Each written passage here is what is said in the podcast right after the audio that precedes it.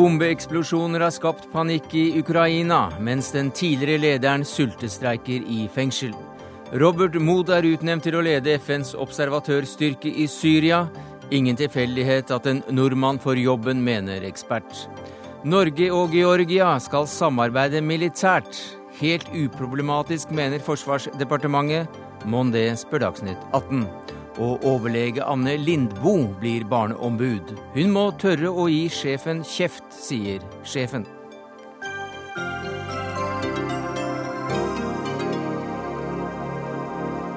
Ja, Det er noen av sakene i Dagsnytt 18, 18, denne fredagen, der vi også møter Marit Eikemo, dagens ferskeste prisvinner for eh, boka om en utbrent journalist. Men vi begynner med terroren i Ukraina, der flere eksplosjoner altså har skapt panikk i landets tredje største by. Og hva, hva mer vet vi om dette, utenriksmedarbeider Sissel Wold, du følger denne saken tett? Ja, Vi vet jo ikke hvem som står bak det, men det vi vet er at fire bomber gikk av, og de var alle plassert i eh, søppelbøtter. Den første gikk av ved en trikkeholdeplass, akkurat da trikken var i ferd med å forlate stasjonen. Eh, mellom 7 og 13 skal ha blitt skadd. Og så gikk det en bombe av ved en kino i sentrum, og to andre bomber som gikk av da også i sentrum. 27 mennesker er skadd, men ingen er omkommet, etter det vi vet. Og ingen har tatt på seg ansvaret? Nei, så det er eh, mange konspirasjoner og mange teorier og mange rykter nå. Hva med skadeomfanget? Ja, det er eh, mange som er skadd som er tatt i sykehus, men også en del materielle skader. Men det, det, den, største, den, største, skaden er jo den panikken og det sjokket det skadet. For at disse bombene gikk av med en halv times mellomrom. Sånn at folk ble jo livredde for at alle søppelbøttene rundt omkring i sentrum eh, skulle ha eksplosiver. Så det var jo eh, dette sjokket og denne panikken som bredde seg utover dagen, som var eh, største, den største skaden.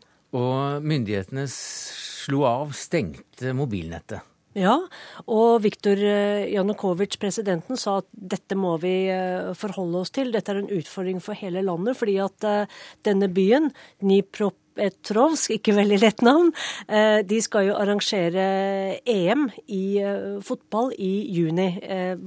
Polen og Ukraina arrangerer dette sammen, så dette er jo noe som er bekymringsfullt.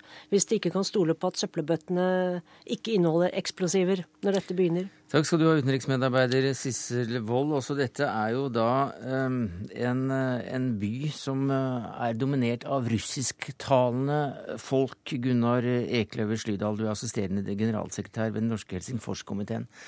Er det noen sammenheng her? Ja, dette er jo den gamle maktbasen for eh, den andre presidenten i Ukraina, Kutsjma, eh, men også den byen som eh, Jusjenko kommer fra. Ehm, det er mange spekulasjoner om motivet for, det, for disse bombene. Eh, opposisjonen, altså støttespillene til Jusjenko, har allerede vært ute og lansert en teori om at dette er egentlig myndighetenes verk for å få oppmerksomheten bort fra det som skjer rundt eh, Jusjenko, som jo er blitt en stor eh, krise mellom Ukraina og resten av Europa. Ja, Det at det da er en russisktalende majoritet i, i denne byen, Sier det noe om at det kan også være en russiskfiendtlig bevegelse som kan stå bak? Eh, det kan man spekulere på. Eh, er det tradisjoner for slikt i landet? Eh, det har vært eksplosjoner, men ikke i noe stort omfang. Og da trodde man at det hadde noe med økonomisk utpressing å gjøre. Så denne type terror, og hvis det er politisk terror, det er noe nytt i Ukraina. Du har snakket eh, med ukrainere i dag. Hva sier de? Nei, de, eh, de er veldig lei seg. Fordi eh, de opplever at situasjonen i Ukraina er veldig polarisert. Det er en veldig sterk politisk konflikt. Og mye har jo med behandling av den tidligere statsministeren å gjøre. Men de heller også til ulike konspirasjonsteorier. Og det er vel også riktig å si at man stoler ikke helt på hva myndighetene måtte komme med av forklaringer. Men slags, hvem er det som kunne ha interesse av å skape uro i landet bare 41 dager før landet skal arrangere EM eh, e i fotball? Eh, ja, det kan jo være eh, folk som ikke liker regimet nå, og som vil eh, skade tilliten til at de greier å holde sikkerheten eh, oppe under arrangementet, som vil skape litt kaos og frykt eh, forut for det store arrangementet. Men konspirasjonsteorien går jo ut på at nei, det er regimet som vil skape oppmerksomhet om noe helt annet enn det de sliter mest med akkurat nå. Men uh, hvilke muligheter gir dette da, da, regjeringen? Altså Hva slags eh, regime er det vi kan forvente oss nå fram til, til EM i fotball? De sier at de ser på dette som en terrorhandling og vil etterforske det sånn. Um, da kan man jo frykte at uh, mediefriheten, altså arbeidsvilkårene for uh, uavhengige journalister, kan bli enda dårligere. Uh, og gitt at ikke alle stoler på hva myndighetene kommer på, så, så kan jo det skape en, en, uheldig situasjon og bidra til polariseringa av samfunnet. Vi ba deg komme til Dagsnytt 18 i dag i forkant av disse eksplosjonene for å snakke om Julia Timosjenko, dronningen av oransjerevolusjonen som altså sultestreiker i fengsel. Hvorfor sitter hun i fengsel? Hun ble dømt eh, for å ha misbrukt sin stilling som statsminister. Og Det handla om gass, og det handla om en avtale med Russland hvor hun instruerte det ukrainske gasselskapet til å signere en avtale som man i ettertid har kritisert. Eh, Uavhengige beregninger sier at man kanskje taper 200 millioner eh, euro i året på den avtalen fordi man betaler gassen for dyrt. Eh, regimets talsmann sier at det handler om åtte milliarder. Mm -hmm. Så hva er fakta og hva er eh, politisk støy, det er ikke så lett å vite. Men det er der som, eh, som saken mot henne handler om. Og selv så er hun god for rundt 60 milliarder kroner? Det er en meget rik dame. En privilegert dame som, som, jo var statsminister og hadde en standing fordi hun, hun var med på oransjerevolusjonen. Så hva slags soningsforhold eh, har hun, ifølge dine kontakter? Eh, ja, Vi har diskutert det litt med ukrainske kollegaer i dag, og de mener jo at hun har det bedre enn den jevne fengselsinnsatte i Ukraina. Eh, men det som har kommet frem, er at det har vært en episode hvor hun kan ha blitt tatt veldig hardt i. Ja, for hun hadde blåmerker? Ja. Det har også ombudskvinnen uh, bekrefta. Hun har merka etter noe som kan se ut som enten slag, eller i hvert fall at man har tatt veldig hardt i henne. Og datteren hennes sier at det handler om at de ville ta henne med makt til sykehuset. Og dermed så fikk hun blåmerker. Og dermed så fikk hun blåmerker. Dette er jo nå en, en stor sak uh, mellom ikke minst EU og Ukraina. For uh, EUs uh, utenrikspolitiske talskvinne, eller utenrikspolitiske sjef, som hun vel tituleres som, hun sier at det blir ikke noe frihandelsavtale, som nå står på trappene faktisk, mellom, eller for, for Ukraina, før landet har løslatt Eh, politiske fanger. Hvor, hvor, hvordan da? Eh, det er basert på en oppfatning at denne rettssaken mot Timosjenko og noen av hennes medarbeidere var politisk motivert. Eh, så det ligger også en sak mot Ukraina i menneskerettsdomstolen nettopp knytta til om dette var en rettferdig rettergang. Det EU sier, er at de må gjøre endringer i loven og en del andre endringer for at disse eh, forhandlingene om fri, frihandelsavtale skal komme i gang igjen. Så man har låst det, og man sender også en rekke andre politiske signaler til Ukraina at dette er helt uakseptabelt. Hvordan er det med situasjonen for menneskerettighetene i, i, dette landet, som altså da blir feiret, var det i 2004, for å ha fått til en fredelig eh, omveltning i oransjerevolusjonen? Nei, Det korteste uttrykket for det er at uh, det er en skuffelse over utviklinga. Uh, og den skuffelsen starta egentlig også mens uh, Timosjenko og Jusjenko leda landet. Man har ikke greid å gjennomføre de reformene som, som man egentlig var enige om at landet trengte. Mm. og det handler om alt fra politi, fengsel til grunnleggende frihet av mediesituasjon osv. Er det et langt stykke å gå tilbake i historien for å forstå dette som, som skjer? Må vi helt tilbake til eh, da Kiev var setet sete der norske vikingkonger gikk i lære? Jeg tror det, den viktigste referanserammen er nok sovjettiden mm. og tradisjonen derfra. Altså det å bruke rettsapparatet politisk, det var ganske gjennomført i den perioden. Og det er nok eh, mange områder som fortsatt er prega av den eh, sovjetiske tradisjonen. Takk skal du ha, Gunnar Ekløvers Lydahl, assisterende generalsekretær i den norske Helsingforskomiteen.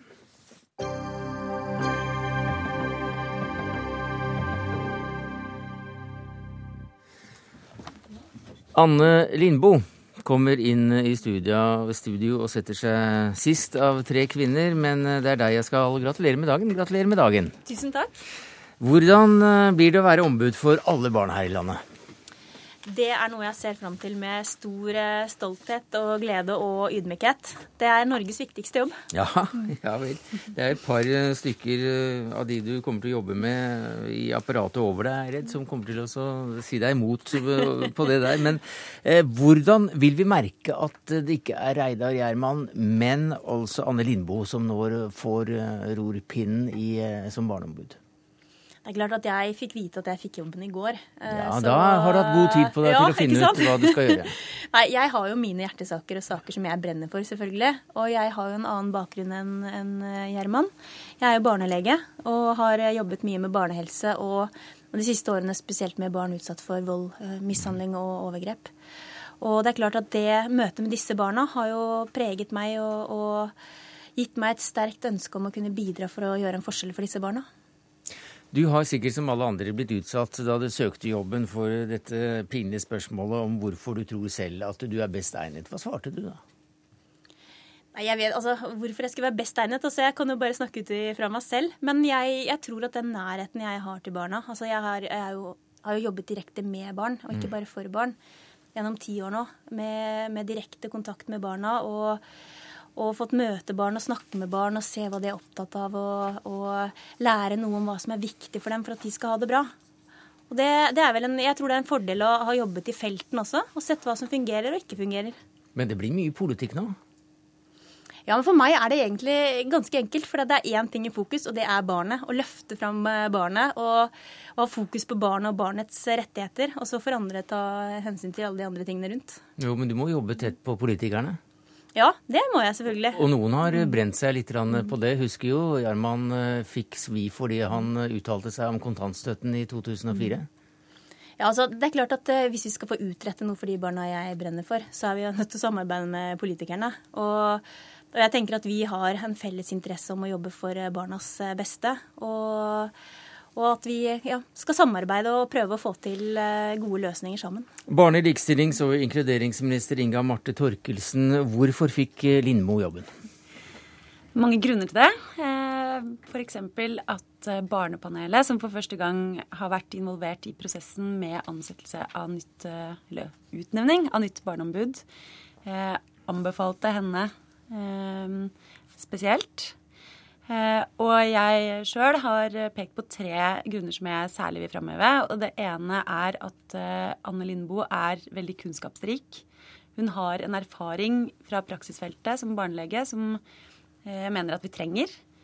I tillegg så har hun et ekte engasjement for barn og barns rettigheter, som er veldig smittende. Og det trenger vi, fordi vi trenger å få flere til å bli engasjert for barn generelt i Norge, barns rettigheter, og ikke minst for de mest utsatte barna. Og Den tredje grunnen er at Anne snakker med barna og ikke bare til, og det var veldig understreka fra Barnepanelets side òg. Men du har da sagt at uh, du gjerne vil ha litt kjeft? Ja, eh, helst ikke, men må jeg, så må jeg. Jeg, jeg er opptatt av uavhengigheten. Det, ja. ja. selvfølgelig. Og det er kjempeviktig, fordi eh, Anne Lindboe skal ikke være regjeringas forlenga arm. Eh, hun skal være barnas talsperson og skal bare ta hensyn til barna. Og hvis hun mener at jeg gjør en dårlig jobb eller gjør eh, feil prioriteringer, feil, valg eh, på barnas vegne, så er det hennes plikt å si fra om det. Og hvis hun må si fra hardt en gang iblant, så er det også ikke bare tillatt, men det er også hennes plikt. Ja, for Da, da Gjerman som sagt også kom i, sterk konflikt med, med, den gang den borgerlige regjeringen om kontant, uh, uttalelser om kontantstøtten, så uttalte SV at dette var helt uhørt. Det var knebling av Barneombudet. Ja, jeg var uh, uenig i den kritikken som Gjerman fikk. Jeg mener at det er innafor hva et barneombud må kunne gjøre. Eh, har vi valgt et menneske til å tale barnas sak, så har vi gjort det. Da må vi også tåle at eh, Barneombudet innimellom går på tvers av det vi mener er riktig. Og så får vi heller gå i en debatt, da. Hva syns du om disse foreløpige signalene, Janne Råne, som leder av Norges program i Redd Barna? Jeg har også lyst til å gratulere eh, det nye Barneombudet, og jeg gleder meg til å samarbeide med Barneombudet. I Redd Barna har vi masse samarbeid med Barneombudet. Eh, samtidig så har vi òg innimellom eh, tatt et litt skråblikk på barneombudsinstitusjonen, fordi den er så unik. Og da er det veldig viktig at vi også prøve å ta et skråblikk på Barneombudet for å sikre, ikke Barneombudet som person, men institusjon, for å sikre at, den, at vi reindyrker eh, den eh, ordninga. Eh, og jeg syns det er flott at eh, barneministeren ønsker debatter med, med Barneombudet. Men jeg tror òg det er innmari viktig at vi minner oss sjøl om at det er ikke barneministeren alene som skal innfri barns rettigheter i den regjeringa. Så jeg tenker nesten at Barneombudet har en like stor jobb med å både ha god dialog, men òg ha kritisk eh, blikk på justisminister, på helseminister, på finansministeren. Det er der pengene eh, ligger. Eh, og... Det er ikke sikkert at han Sigbjørn er like glad i å få kjeft. Nei, Vi får prøve med gulrota først, da. Men du, du, har også noen utfordringer å komme med. Du, dere sier bl.a. at det er ikke sikkert at, at dette ombudet har nok ressurser slik det er i dag. Når vi har sagt det, så er det fordi vi har utfordra nåværende barneombud ved et par anledninger til i større grad å gå inn i dybden i saker. Altså Barneombudet kan gå inn og bruke innsynsretten sin i mange saker. Så betyr det at de har altså rett til å se papirer som har alt, ja. alle papirer som har med barn å gjøre? Ingen institusjoner kan stoppe Barneombudet fra det. Taushetsplikten kan ikke stoppe Barneombudet fra det, og det er veldig bra. Det skiller Barneombudet fra Redd Barna og mange andre organisasjoner. Så ofte samarbeider vi, men den veldig spesielle muligheten muligheten som Barneombudet har, eh, skulle vi ønske at Barneombudet brukte litt oftere. Og Grunnen til det er at eh, der vi ser at enten systemer stanger mot hverandre, der barns ord står mot voksnes ord, så kan Barneombudet gå inn, eh, få et nøkternt, ganske objektivt blikk på saksgang, hvordan barns rettigheter faktisk er ivaretatt ved å lese papir. Mm. og det det tror vi av og til at uh, de bør gjøre mer av. Men uh, hvorfor de ikke gjør mer? Svaret på det var også, som dere fikk, at ikke det var ressurser nok. Ja, uh, ja. det har vi fått ved to anledninger. Hva sier du til det, Torkelsen? Er det for lite ressurser i barneombudssystemet? Det kan jeg ikke egentlig uttale meg sterkt om. Du er ministeren der som kan komme med Ja, men vi har ikke hatt dialog om det foreløpig. Så det er litt tidlig. Jeg er også relativt ny, selv om jeg har sittet i en måned. ja. Eh, men eh, vi skal jo snakke om mange ting, og selvfølgelig er budsjetter en av de tingene. Eh, så jeg er jo åpen for en dialog om det. Men det kan jo også være at jeg vurderer det sånn at de har nok ressurser. Så vi får ta den ordentlige Den tar vi etter hvert. Inge ja. Janne Rånes, dere har sagt at Barneombudet bør prioritere asylsaker høyere. Alle som er opptatt av barns rettigheter i Norge, er nødt til å ha oppmerksomhet på asylsøkerbarn. Og Grunnen til det er at eh, det er kanskje der vi ser at eh, barnekonvensjonens eh, prinsipp i størst grad utfordres. Vi har sagt, og vi står veldig sterkt for, at regjeringa setter til sides barns rettigheter når det kommer til asylbarn i en del saker. Og Derfor så tenker vi at vi trenger Barneombudet òg på lag i forhold til å kjempe for asylbarna sine rettigheter. Lindmo. Ja, Det er klart at vi skal kjempe for asylbarnas rettigheter. altså Akkurat som alle mulige andre De har jo samme krav som alle mulige andre norske barn har på, på sine rettigheter. Og, og, jeg har jo Jeg må jo sette meg inn i dette feltet. Jeg kan ikke gi noe svar på hva jeg ønsker å gjøre i den anledning enda. Jeg må, jeg må sette meg inn i feltet. Jeg må tiltre først og møte kollegaene mine på Barneombudet. Men jeg er helt enig med deg at, at vi skal ha fokus på de barna. Og mm. Og for meg som barneombud så er det jo veldig enkelt, egentlig. For eh, det er hensynet til barna som eh, skal settes i fokus. Også og dermed, for asylbarna. Og dermed så kan du også tenke deg å gå i debatt med regjeringen, f.eks. i eh, et debattprogram som Dagsnytt 18. Ja. Da ønsker vi deg hjertelig velkommen igjen, bl.a. sammen med Inga Marte Torkelsen. Anne Lindmo, igjen gratulerer med dagen. Takk også til Janne Rånes, leder av Norgesprogrammet i Redd Barna.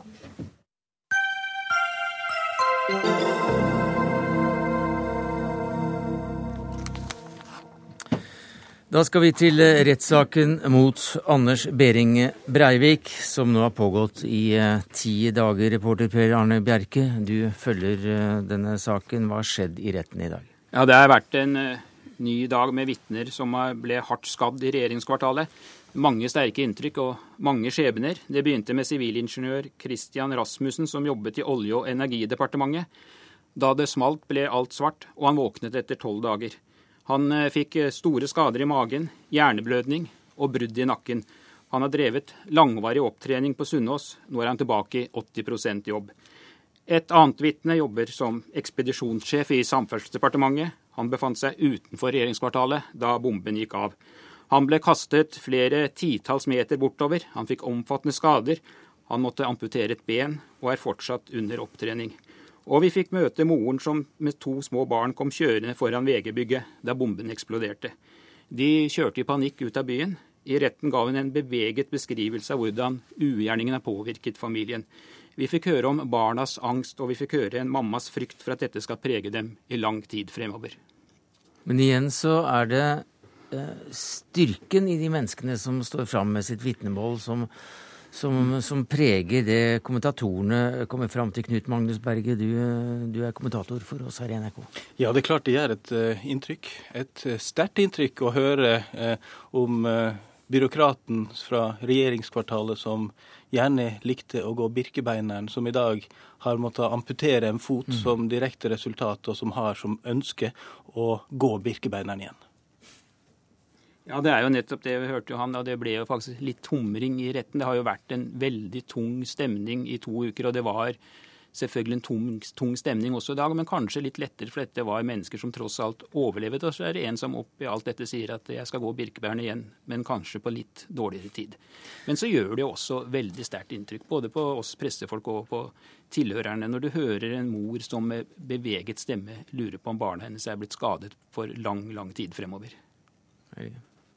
Ja, det er klart det. Og det som eh, vi fikk oppleve i retten i dag, det er jo en illustrasjon av bredden eh, i konsekvenser for enkeltmennesket av de handlingene som skjedde i regjeringskvartalet 22.07. Det var regjeringskvartalet som var tema også i dag. Eh, fra den enkelte direkte berørte byråkrat som da har fått amputert en fot, til tilfeldig forbipasserende og hvordan eh, livet deres er snudd eh, på hodet. Dette er jo en sak med hundrevis av direkte berørte.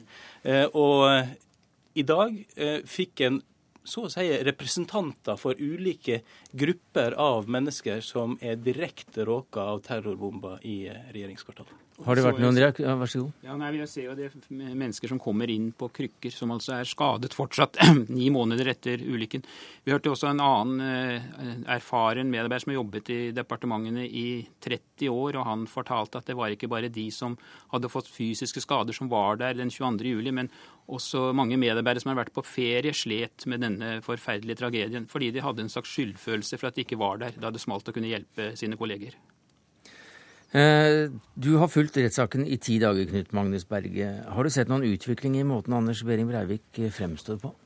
Eh, ja og nei. Altså, han eh, har jo i og for seg gjennom sin egen forklaring eh, var det mange interessante ting, og ting som ikke veldig mange var forberedt på. F.eks. For dette at han skulle tilpasse sine forklaringer i så stor grad som han har gjort, at han åpenbart klarer å forholde seg til verden rundt iallfall på en slik måte at han tar signaler som står i mediene andre steder, og innretter sine forklaringer i retten med tanke på da å komme ut som tilregnelig. som jo er hans målsetting med, med, dette. Men det vi har sett i retten nå de siste par dagene, er jo en dreining ifra et veldig fokus på Anders Behring Breivik eh, i hans egen forklaring, og til det dette på mange måter egentlig handler om, altså konsekvensene av handlingene for enkeltmennesker, men også i går for nasjonen Norge.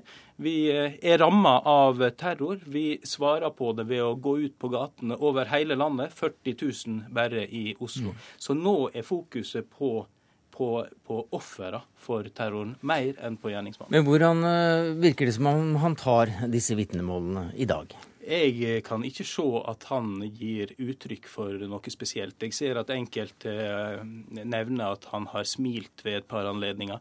En skal huske på at han sitter en hel dag. Jeg syns at det slående er mer mangel på eh, reaksjon. Han, sitter, han noterer litt. Og ellers så går ikke an å se noen spesielle reaksjoner fra hans hold. Jeg syns han virker kald som et isfjell. Det virker ikke som det han hører, at det er disse menneskeskjebnene som han hører, at det gjør inntrykk på ham. Iallfall så viser han det ikke. Har vi kommet nærmere et svar på det viktigste spørsmålet det er strid om i denne saken, nemlig om han er tilregnelig, syns du? Det er jeg slett ikke sikker på. Eh, jeg er helt sikker på at mye av det som har kommet fram i retten, har vært meget relevant for det spørsmålet. Men dette er jo en debatt som har gått i veker og måneder allerede. Vi hadde harde angrep på den første psykiatrirapporten, som konkluderte med at han var utilregnelig. Mange har uttalt seg skråsikker på om at han er tilregnelig. Denne veka har vi fått angrep, eller ikke angrep, men vi har iallfall fått eh, stilt spørsmålstegn ved den andre eh, psykiatrirapporten med den motsatte konklusjonen. I dag har vi fått høre en av de virkelige tungvekterne i eh, norsk rettspsykiatri snu fra det ene standpunktet til det andre. Så eh, det jeg tror vi kan konkludere med, er at eh, skråsikkerheten er nok eh, borte. Han framstår som en gåte, og eh, jeg tror at vi kommer til å diskutere dette spørsmålet gjennom hele rettssaken, helt til dom foreligger. Mm. Men så da til selve rettssaken. Eh, det var fryktet at dette skulle bli et sirkus. Nå er vi, nå er vi 14 dager inne i, i saken. Hva sier du? Entydig nei, det blir ikke noe sirkus. Det tror jeg alle nå har skjønt. Jeg tror at den viktige lærdommen fra de to første ukene er at dette foregår på en forsvarlig måte på alle vis. Alle oppfører seg slik en skal i en rettssak. Vi har et eh, demokrati, et system, en rettsstat som tåler tyngden av en så eh, voldsom sak. Og vi kommer til å komme ut i den andre enden eh, med en dom og en forsvarlig behandling av sjøl en, en, så kraftig sak. Per Arne Bjerke, neste uke starter de opp først på torsdag. Hvorfor det? Nei, De har eh, tatt inn litt tid. Denne rettssaken ble jo myndig ledet av eh, dommeren Wenche Elisabeth Arntzen. Og det har gått eh, veldig raskt framover. De har holdt eh, timeplanen. Og så er det også noen av vitnene som har vært for syke til møte, så man har lest politiforklaringen i stedet, og dermed så sparer man tid. Så kommer jo da torsdagen, og da skal departementsråd Ingrid Killengren forklare seg om ødeleggelser i, i regjeringskvartalet. Og så begynner vi på Utøya. Først er det kriminaltekniske forklaringer, og så kommer noen veldig vanskelige dager i sal 250 når vi skal gå igjennom obduksjonsrapportene til de 69 menneskene som ble drept på øya. Takk skal dere ha, Per Arne Bjerke og Knut Magnus Berge, henholdsvis reporter og kommentator i NRK.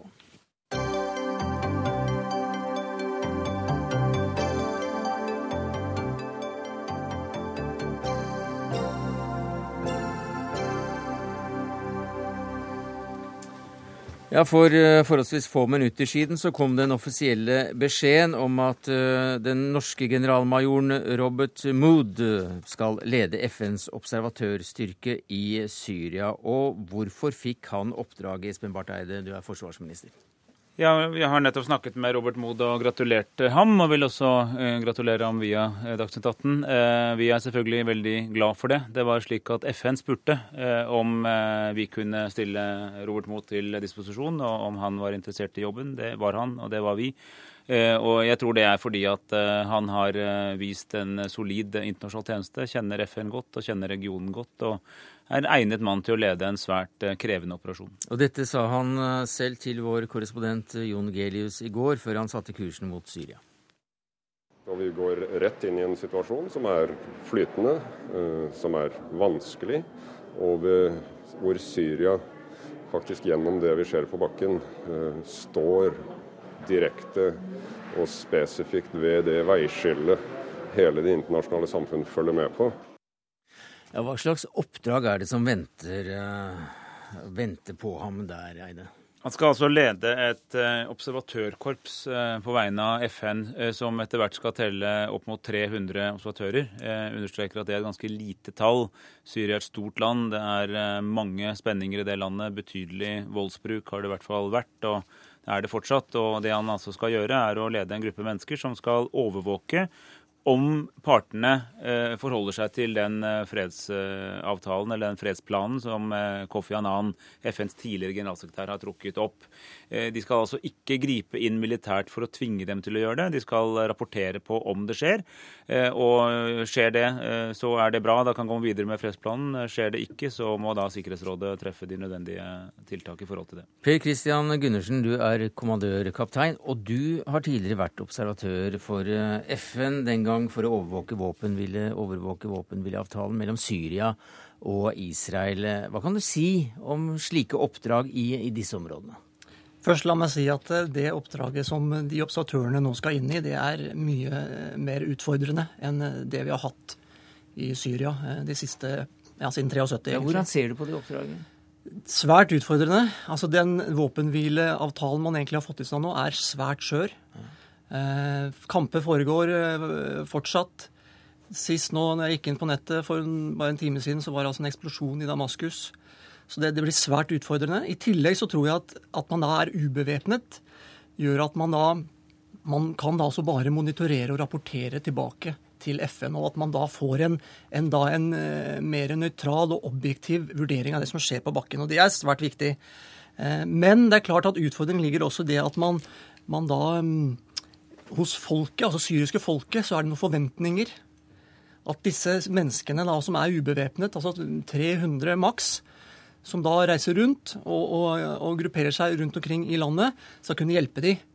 Og det kan de altså i utgangspunktet i svært liten grad gjøre. Nei, og, de er jo, og det er erfaringer eh, nettopp i slike tilfeller at eh, befolkningen kan lett vende seg mot observatører fordi de hadde for høye forventninger, og kommunikasjonen til dem i forkant av hva de faktisk kan forvente, den, er, den har vært gæren. Ja, og det, det, ser vi altså, disse, disse, få observatørene som nå har reist inn eh, i tidlig fase. Mm. har det kommet rapport i ettertid. Om de er riktige eller ikke, det, det, vet vi jo egentlig ikke. Men at når observatørene da har reist ut igjen, så har da syriske styrker gått inn og, og, og gjennomført angrep.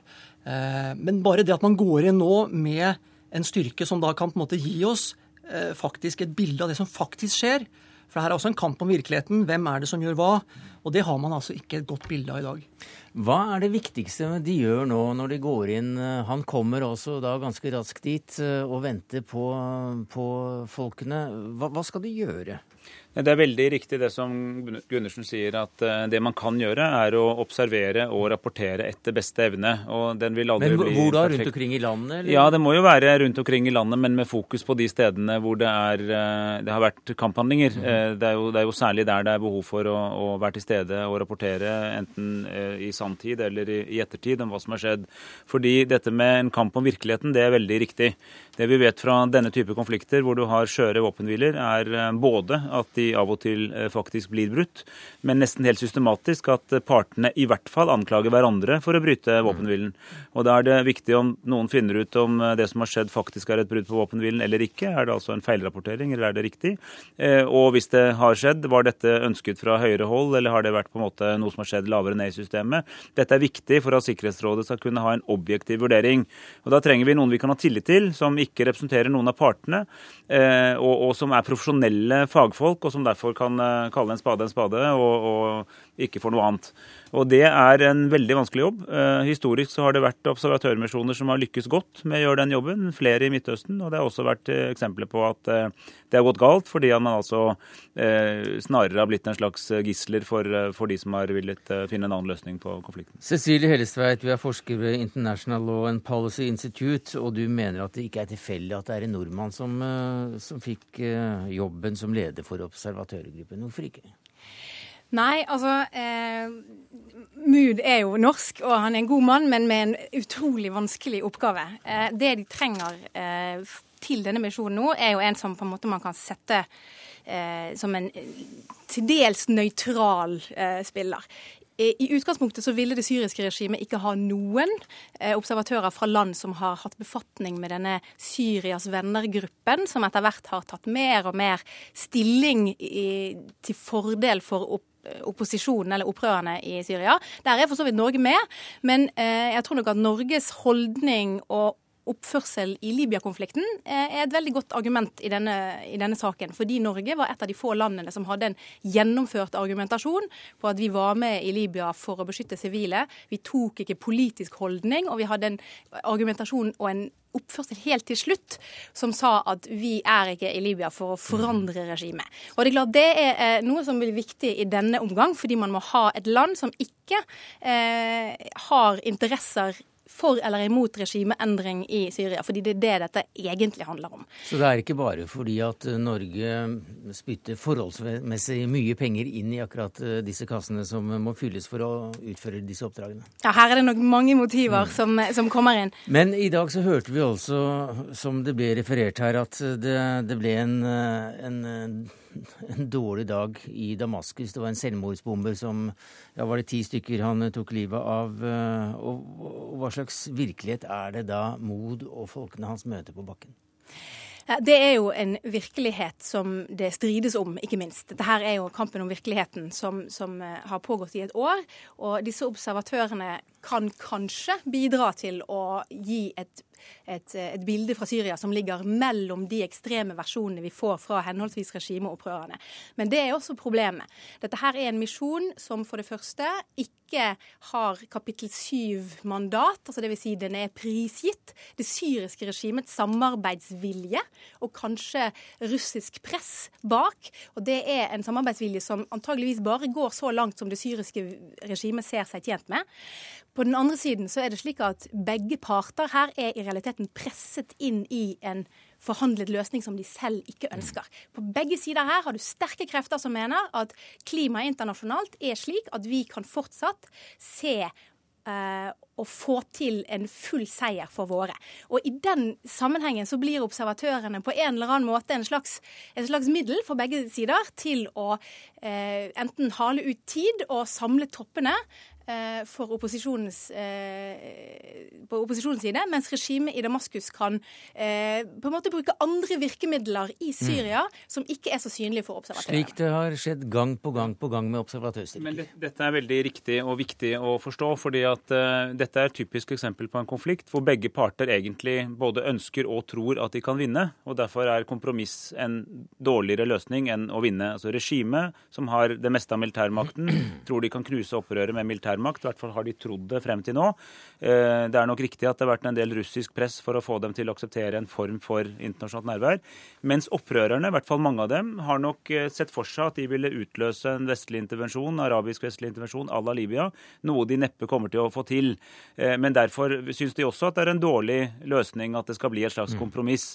Det er en situasjon vi kjenner fra mange andre konflikter. Problemet er at det er jo gjerne etter mange års krig og veldig mye død og lidelse at partene kommer frem til at de verken vinner eller taper. Da er partene typisk mer modne for et kompromiss. Men hvis verdenssamfunnet venter på den tilstanden, så lar man altså en rekke mennesker gå bort mm. og veldig mye blod flyte. Derfor så må man prøve dette.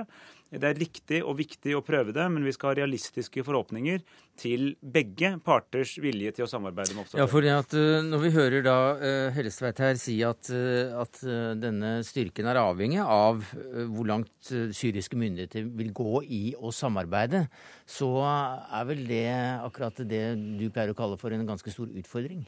Ja, det er eh, en utfordring. Det er klart, altså, Men vi skal huske på at det, det, håper alle forstår at du kan ikke det gir ingen mening å ha 300 observatører med liksom, en pistol i beltet. Altså, Enten så har du det på denne måten, hvor det må være prisgitt samtykke fra partene, inkludert da eh, myndighetene i landet, eller så må du ha en omfattende, tung militær operasjon hvor man har overlegen militærmakt. Det er ikke noe enkel mellomting mellom det. Så dette med bevæpning og ikke bevæpning må forstås i hvilken rolle FN og verdenssamfunnet vil ta.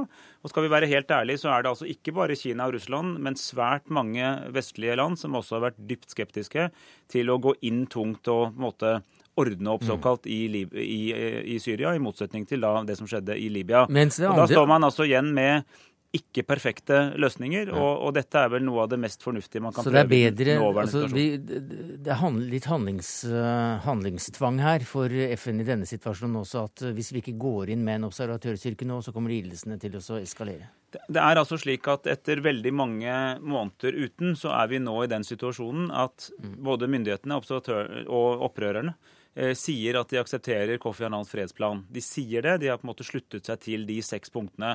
Det man da må gjøre, er å se om det faktisk stemmer. Eh, og for å se om det faktisk stemmer, så kan du ikke høre på den andre parten. Du må ha en nøytral styrke som kan da evaluere det. Eh, og det er verken mer eller mindre det mm. denne styrken skal prøve å gjøre. Hvilke sjanse gir du disse styrkene for å, å faktisk kunne gjøre den jobben, Helstveit? Altså, Denne observatørstyrken har 90 dager på seg, og per i dag er det 11 stykker som er til stede i, i, i Syria. Det er et land med 23 millioner mennesker. Det er en borgerkrig som etter hvert foregår i hele landet. Mm. Og dette her er altså et regime som ligner mye på Saddam Husseins regime før krigene, altså før første gullkrig, før sanksjonsregimet. Det er et massivt militærapparat, og de er ikke alle kledd i, i uniformer. altså. De, er, de, har et veldig sterkt sivilt nærvær i, i hele Syria. Så det er klart, Assad Assad-regimets mulighet til å gjøre ting overalt hele tiden som observatørene ikke får med seg, er fortsatt veldig til stede. På den annen side, og det er kanskje paradokset her, er at FN kan ikke bli stående på utsiden, men det at FN går inn på denne måten, kan faktisk bidra til å eskalere volden i Syria. Nettopp fordi at regimet tror fortsatt at vi de ikke risikerer et kapittel 7-mandat eh, fra Sikkerhetsrådet fordi de har russerne i ryggen. Som betyr? Og fordi, eh, fordi det internasjonale samfunnet vet at Syria kan det ikke bli aktuelt med militær intervensjon eller innblanding i før situasjonen blir ekstrem. Og så lenge det syriske regimet klarer å unngå det, så har de mer eller mindre frie tøyler. Mens opposisjonen på sin side de ønsker å fremprovosere episoder og et voldsnivå som gjør at klimaet internasjonalt for å enten gi våpen til opprørerne eller å gå inn med et FN-mandat, det blir mye større. Så det Paradokset her er jo nettopp at FN kan være med på å bidra til å eskalere volden istedenfor faktisk å Jeg har vel et litt eh, mer positivt syn på det hele. Um, jeg tror at 300 eh, observatører, det er, et, det er et stort land. Men samtidig så er det, er det byene, altså disse hotspots, altså Homs, Hama, Idlib, Derra, disse byene hvor det har på en måte vært kamper som, som man kan sette seg som observatører. Grupper på en, en 20 stykker kanskje, per by pluss-minus. Så man får altså en tilstedeværelse der som gjør at man kan rapportere. Og jeg tror at, um, at Assad også kan ha gjort mye uh, uten å på en måte blitt uh, tatt på det. da. Fordi at man vet altså ikke hva som er virkeligheten. Nå er det faktisk rapporter da som vil gå daglig og ukentlig fra disse observatørene hele veien opp til, eh, til, eh, Sikkerhetsrådet, som gjør at man faktisk får et godt bilde. Og jeg tror også det vil påvirke eh, at man kan presse russerne mm. mer. Espen Barth Eide, vi begynner å nærme oss slutten. Hvem er det MOD skal rapportere til? Det er jo til FNs sikkerhetsråd. Han jobber altså, først da til Kofi Annan, som er den overordnede politiske lederen for dette oppdraget, og som har utviklet fredsplanen. Men men det er altså de som skal rapportere videre til Sikkerhetsrådet, og det er Sikkerhetsrådet som vil da eh, evaluere og treffe beslutninger på grunnlag av de rapportene som kommer fra Robert Mood. Og litt uenighet om hvorvidt dette oppdraget eh, kommer til å bli eh, veldig vellykket, er det vel her i studio, men et ønske om lykke til. Takk skal dere ha, Per Christian Gundersen, kommandørkaptein, og til Cecilie Hellestveit, forsker ved International Law and Policy Institute. Espen Barth Eide, du må sitte litt til. Vi skal holde oss eh, i eh, østlige strøk, for Aftenposten skriver i dag at et eh, svært interessant samarbeid er planlagt mellom det norske forsvaret og Georgias væpnede styrker i Georgia. Og vi snakker altså om Kaukasus og ikke om den amerikanske delstaten. Forsvarsminister Espen Barth Eide fremdeles, hva slags samarbeid er dette? Ja, det er altså slik at eh, Norge sammen med en rekke andre Nato-land har i mange år eh, ønsket å støtte opp om både den demokratiske utviklingen i Georgia og også bidra til f.eks. bedre sivil kontroll over de væpnede styrker, noe vi har gjort mange ganger på Balkan. Eh, Montenegro, Serbia, Makedonia. Eh, denne type programmer har vi også hatt i, i Georgia, faktisk, helt tilbake til eh, 2006. Eh, så eh, det er veldig hyggelig at Aftenposten eh, gir, gir, oss oppmerksomhet i dag. Men det er altså ikke slik at dette er noe som begynner nå. Dette er noe vi har holdt på med i mange år, også før krigen mellom Georgia og Russland. Men det er ikke noe som vi drev med i fjor? Eh, jo, vi har i og for seg drevet med dette Aha. gjennomgående i, i, en årrekke. Men altså det, det konkrete det er, det er, altså et bredt program. Jeg har selv vært der for et par år siden og underskrevet en rammeavtale. Og så er det da ulike elementer i det. Og akkurat denne treningen av eh, hjem, Heimevernet i Georgia, det, den har ligget på is i, i noen år. Mens vi da har gjort andre typer ting innenfor dette brede samarbeidet. Eh, og jeg mener at det er eh, riktig. Vi eh, Georgia var på altså i, i, i Nato-toppmøtet i 2008 så var det enighet om at man skulle tilby Ukraina og Georgia medlemskap en gang i fremtiden. Eh, alle forstår at det er blitt satt på vent både etter eh, situasjonen i, i, landet og krigen med Russland og utviklingen i Ukraina. Men jeg tror det er riktig at vi ikke glemmer Georgia, som faktisk er et land mm. som på mange måter har eh, en aspirasjon om å bli mer et vestlig land. Men det spørsmålet som ligger bak, det er selvfølgelig hva sier russerne til dette? Og ifølge statssekretæren din så, så er ikke dette noe problem i det hele tatt. Men Julie Wilhelmsen, du er Russland-ekspert ved NUPI, og du sier til Aftenposten at du ikke tror russerne uh, ser blidt på dette.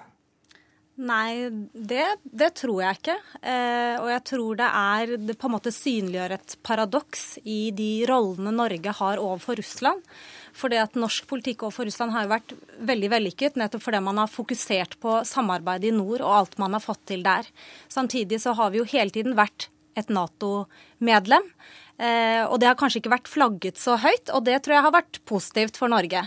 Mens det er klart, når ting som dette kommer fram og, og snakkes om i pressen osv., så, videre, så kommer Norge som eh, Nato-medlemskap også lenger fram i russernes syn på Norge. Og Nato og Natos utvidelser, og det russerne ser på som innblanding i deres nærområder, det er det mest kontroversielle eh, temaet for, eh, for, Russland. Så, så det på en måte, denne situasjonen synliggjør at, at, Norge har et dilemma som vi kanskje har vært veldig flinke til å takle, men som, som kan gjøre relasjonen til Russland mer problematisk enn den ja, er i dag. Ja, for Hva slags forhold er det mellom Russland og Georgia? Nei, altså, eh, Jeg vil nok si at i, i Russlands nærområde så er, eh, er, det Georgia som har det aller mest problematiske eh, forholdet til, til Russland. For det Russland har jo på en måte økt sin innflytelse i det postsovjetiske rom ganske godt over de siste eh, ti årene. Mens de som virkelig stritter imot, det er Georgia på alle måter. Og det toppet seg jo med denne krigen i, i 2008, eh, hvor, hvor, da eh, Russland gikk inn og støttet utbryterrepublikkene, mm. eh, som, som, Georgia mener er del av, av, sitt territorium. I dette Kaukasus, som altså da er eh, Russlands myke buk, eller hvordan det ble sagt for eh, 100 og og den, eh, en del år siden. Men jeg leser i Aftenposten her, Barth Eide, at det er planer om felttrening av norske offiserer ved en forsvarsskole nord i landet, som ligger bare 25 km unna der russiske okkupasjonsstyrker befinner seg. Ja, men det ligger altså i Georgia. Vi anerkjenner Georgias uh, Men er ikke, det, er ikke det å erte naboen som vi er avhengig av å ha et veldig godt forhold til? Jo, men nå skal jeg lyst til å si at Vi har vært medlem i Nato i 63 år. Eh, og jeg kan forsikre Wilhelmsen om at det har Russland fått med seg. Og det har vært et premiss også i vårt eh, naboskap til Russland i hele den tiden, gjennom den kalde krigen og etter den kalde krigen. Og det har det aldri vært noe tvil om. Det har vi vært hatt svært stort fokus på. Så er det sånn at vi både har og ønsker å ha et godt naboskap til Russland og har fått til mye delelinjeavtale, stadig tettere kommersielt samarbeid, politisk samarbeid, eh, samarbeid om eh, kystvakttjenester som fungerer veldig godt. Men det er jo ikke slik at det skal bety at ikke vi kan ha andre tanker i hodet samtidig. Og vi mener at det å også bistå lille Georgia, mm. som ligger inneklemt inne i Kaukasus, men med noen politiske ambisjoner som vi har sympati for, det er helt greit. Det er riktig at Russland ikke liker at verken vi eller andre Nato-land bistår Georgia. Men det er altså ikke slik at vi har tenkt å gi Russland noen vetorett om hvilke mm. land vi støtter, når det landet på selvstendig grunnlag ønsker denne type samarbeid Men Barth, det, det, er ikke, Og det, det er, altså ikke nytt. Det, det er det nei, som er poenget. Jeg, jeg forstår det. Vi har diskutert dette med russerne gjentatte ganger, og de har gitt uttrykk for at de ikke liker det, og vi forteller at vi gjør det for det. Det er ikke nytt, men er det ikke nytt at vi driver med felttrening 25 km fra der russiske okkupasjonsmakten befinner seg? Det høres jo ut som vi skal sende store norske styrker for å drive Nei, det er ikke det vi snakker om her. Jeg bare spør om det er nytt at vi skal drive felttrening 25 km fra der okkupasjonsmakten befinner seg. Jo, men da må jeg få lov å svare på det, programleder. Ja, ja. Folk fra Heimevernet i Norge bistår Georgia med noen av sine erfaringer for hvordan man bygger opp et heimevern. Jeg må si at Det oppslaget i Aftenposten har nok forsøkt å lage ganske mye ut av dette samarbeidet. Det er derfor vi prøver å rydde opp, ja. minister. og Jeg spør deg igjen, også er det nytt at eh, vi skal drive med, med felttrening bare 25 km fra der russiske okkupasjonsstyrker befinner seg? Det er vel et ja-nei-spørsmål. Men, men, jeg har lyst til å, altså, Poenget er at det er, altså, også 25 km fra eh, okkupert del av Georgia er jo en del av Georgias suverene territorium. Ja, jeg spurte om det var nytt, men la nå det faren. Altså, men, men, et øyeblikk, jeg må bare tilbake til Vi har ikke gjort det på noen år, men vi gjorde det i 2007. Ja, nettopp. 2007 var da før konflikten ja, med, med, Russland i 2008. Programlederen mener ingenting, men du var jo da fem måneder, det er bare fem måneder siden du var statssekretær i Utenriksdepartementet. Eh, er det helt enighet mellom eh, Utenriksdepartementet og, og, Forsvarsdepartementet? Ja, det er faktisk slik at En del av dette arbeidet er finansiert over Utenriksdepartementets budsjett. og Dette er selvfølgelig en bred enighet om. Eh, vi har, vi har nylig hadde, var den georgiske utenriksministeren i Norge og besøkte min kollega Jonas Gahr Støre. og det diskuterte de dette, og også han ga uttrykk for at dette er et samarbeid som vi ønsker å styrke fremover. Så, så det er det absolutt. Er Russland en type stat som kan være langsinte og, og, og trekke uh, andre områder av samarbeidet inn, mellom Norge inn, siden de er sure på oss i Georgia? F.eks. da i nordområdene? Det syns jeg er litt uh, vanskelig å forutsi. For det er klart at det samarbeidet Russland har med Norge i nord, er veldig, veldig viktig uh, for Russland. Ikke minst fordi Russland trenger teknologisk kunnskap som vi sitter på, f.eks. Og og, og, det er en, en, suksesshistorie også i Russland, det man har fått til med, med mm. delelinjen. Ja, For du sier at dette her er en god test på forholdet mellom Russland og Norge? Ja, altså for, fordi at hvis du ser på mønsteret i Russlands reaksjoner over tid, så er det ingen tvil om at nettopp denne type aktivitet eh, i, i, det postsovjetiske rom er det som provoserer Russland mest av alt. Og de, de snakker i klartekst og, og, Vi husker jo ganske godt at Putin f.eks. truet med å rette atomraketter mot Ukraina når det var snakk om ukrainsk Nato-medlemskap. Sånn at det, Hvis du ser det over tid, så er det få ting som provoserer russerne mer, og som får dem til å komme med ganske heftige uttalelser. Mener... Så, så, jeg mener at det er en test å se altså, Nå vet jeg ikke hvor mye av russerne fanger opp av dette her, men hvis de fanger opp dette som noe nytt, så er det en slags test på Eh, om de på en måte syns at, at det er verdt å, å, sette på spill det gode samarbeidet de har med Norge i nord pga. en sånn sak. Jeg har veldig lyst til å høre om Wilhelmsen mener at vi burde la være å gjøre det eh, pga. hensyn til Russland, og sånn sett gi Russland en vetorett over norsk utenrikspolitikk. Men jeg kan Nei, faktisk Det vil jeg svare på. Ja. Eh, for det at mitt, eh, mitt anliggende her er overhodet ikke å ha noen mening om hva Norge bør mm. gjøre eller ikke gjøre. Det gjør ikke jeg. jeg. jeg. er forsker. Men jeg har lyst til å synliggjøre at vi har et, et dilemma her, da... som ligger i Norges forskjellige roller i forhold til, til Russland, mm. og som kommer til overflaten med jevne mellomrom. Men da skal jeg svare, for jeg kan egentlig belyse problemstillingen. fordi jeg var i Georgia senest for to år siden og underskrev da, i det tidspunkt som statssekretær, eh, den, eh, den gjeldende rammeavtalen for forsvarssamarbeidet med Georgia. Det ble offentlig kjent. Det ga Russland uttrykk for at de ikke likte. Og etter det så merket jeg ikke noe mer problemer med Russland i forhold til det, men de ga uttrykk for sitt syn. Og det er helt riktig. Wilhelmsen har helt rett i at uh, Russland skulle gjerne sett at både vi og andre vestlige land eh, avviklet ethvert engasjement både inn mot Ukraina og, og Georgia. Eh, men jeg syns egentlig ikke det er noe argument for å gjøre det. fordi at her har vi altså en demokratisk nasjon som eh, selvfølgelig spilte kortene sine på en dårlig måte i 2008, det er det ingen tvil om, men som vi mener fortsatt fortjener vår hjelp og støtte, før da hele det eh, eurasiatiske kontinentet faller tilbake i en slags eh, autoritær stagnasjon. Så, så, jeg mener at det er fullt mulig å gjøre flere ting samtidig, og vi har faktisk ganske lang erfaring i dette landet for, for, å være både enig og uenig med Russland. Eh, og det er også slik at det finnes russiske standpunkter vi mm. er enig i, og så er det russiske standpunkter vi er uenig i. og Det heter internasjonal politikk politikk, og det kan vi litt om. Mm. Takk skal du ha, Espen Barth Eide, forsvarsminister. Før det eh, statssekretær, og før det eh, seniorforsker ved NUPI. Julie Wilhelmsen, russlandsekspert ved NUPI. Takk skal dere ha.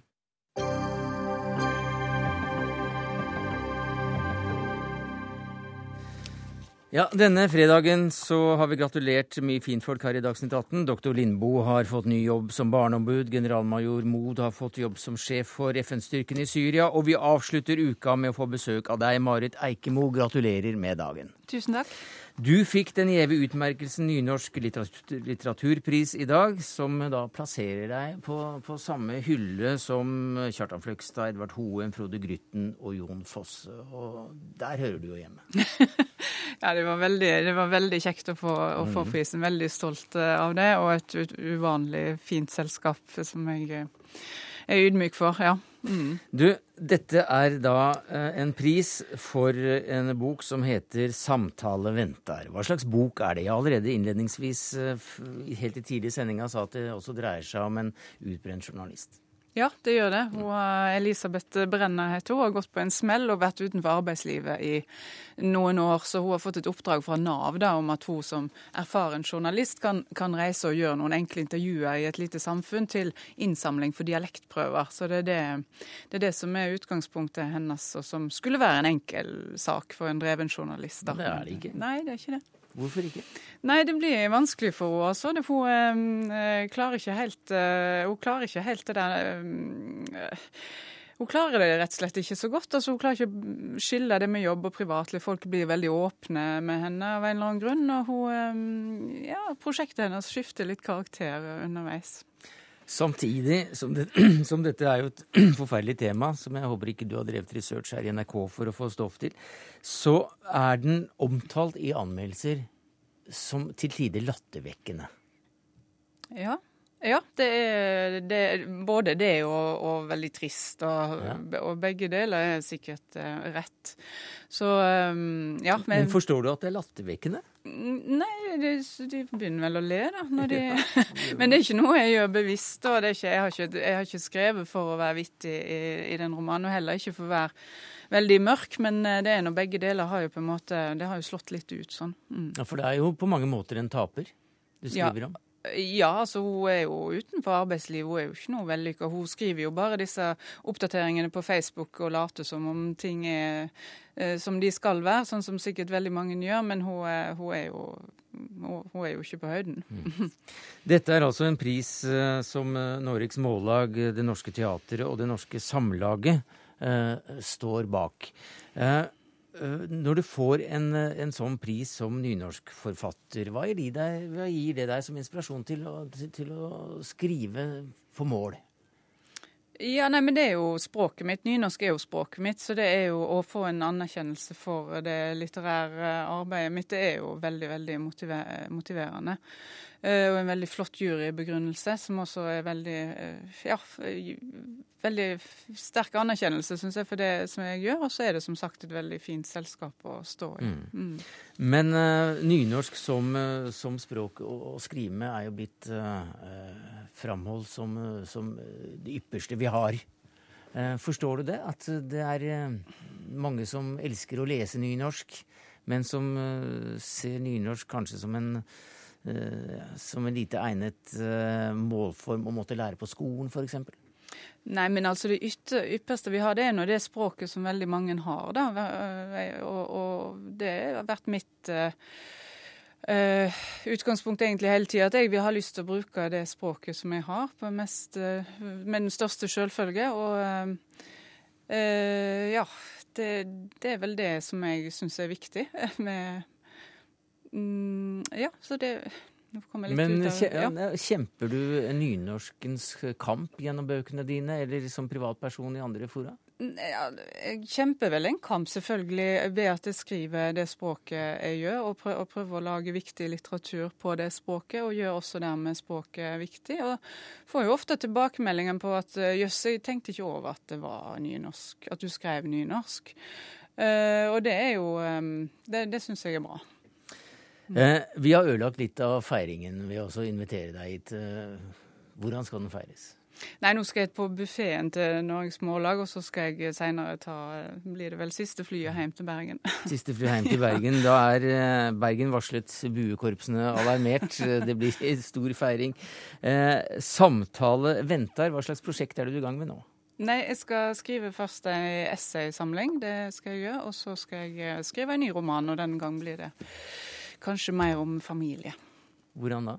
Nei, nå har om, eh, nå har jeg skrevet tre romaner om eh, personer som står utenfor familielivet mm. og, og, de strukturene der, så nå tror jeg jeg skal eh, jobbe litt mer inn mot familie. Mm. Det var siste ord i eh, Dagsnytt 18 eh, denne fredagen. Takk skal du ha, Marit eh, Eikemø, også da forfatteren bak Samtale ventar. For Dagsnytt 18 er slutt, takket være ansvarlig for det hele Finn, nei, Dag Dørum. Det tekniske ansvaret hadde Finn Lie. Jeg heter Sverre Tom Radøy.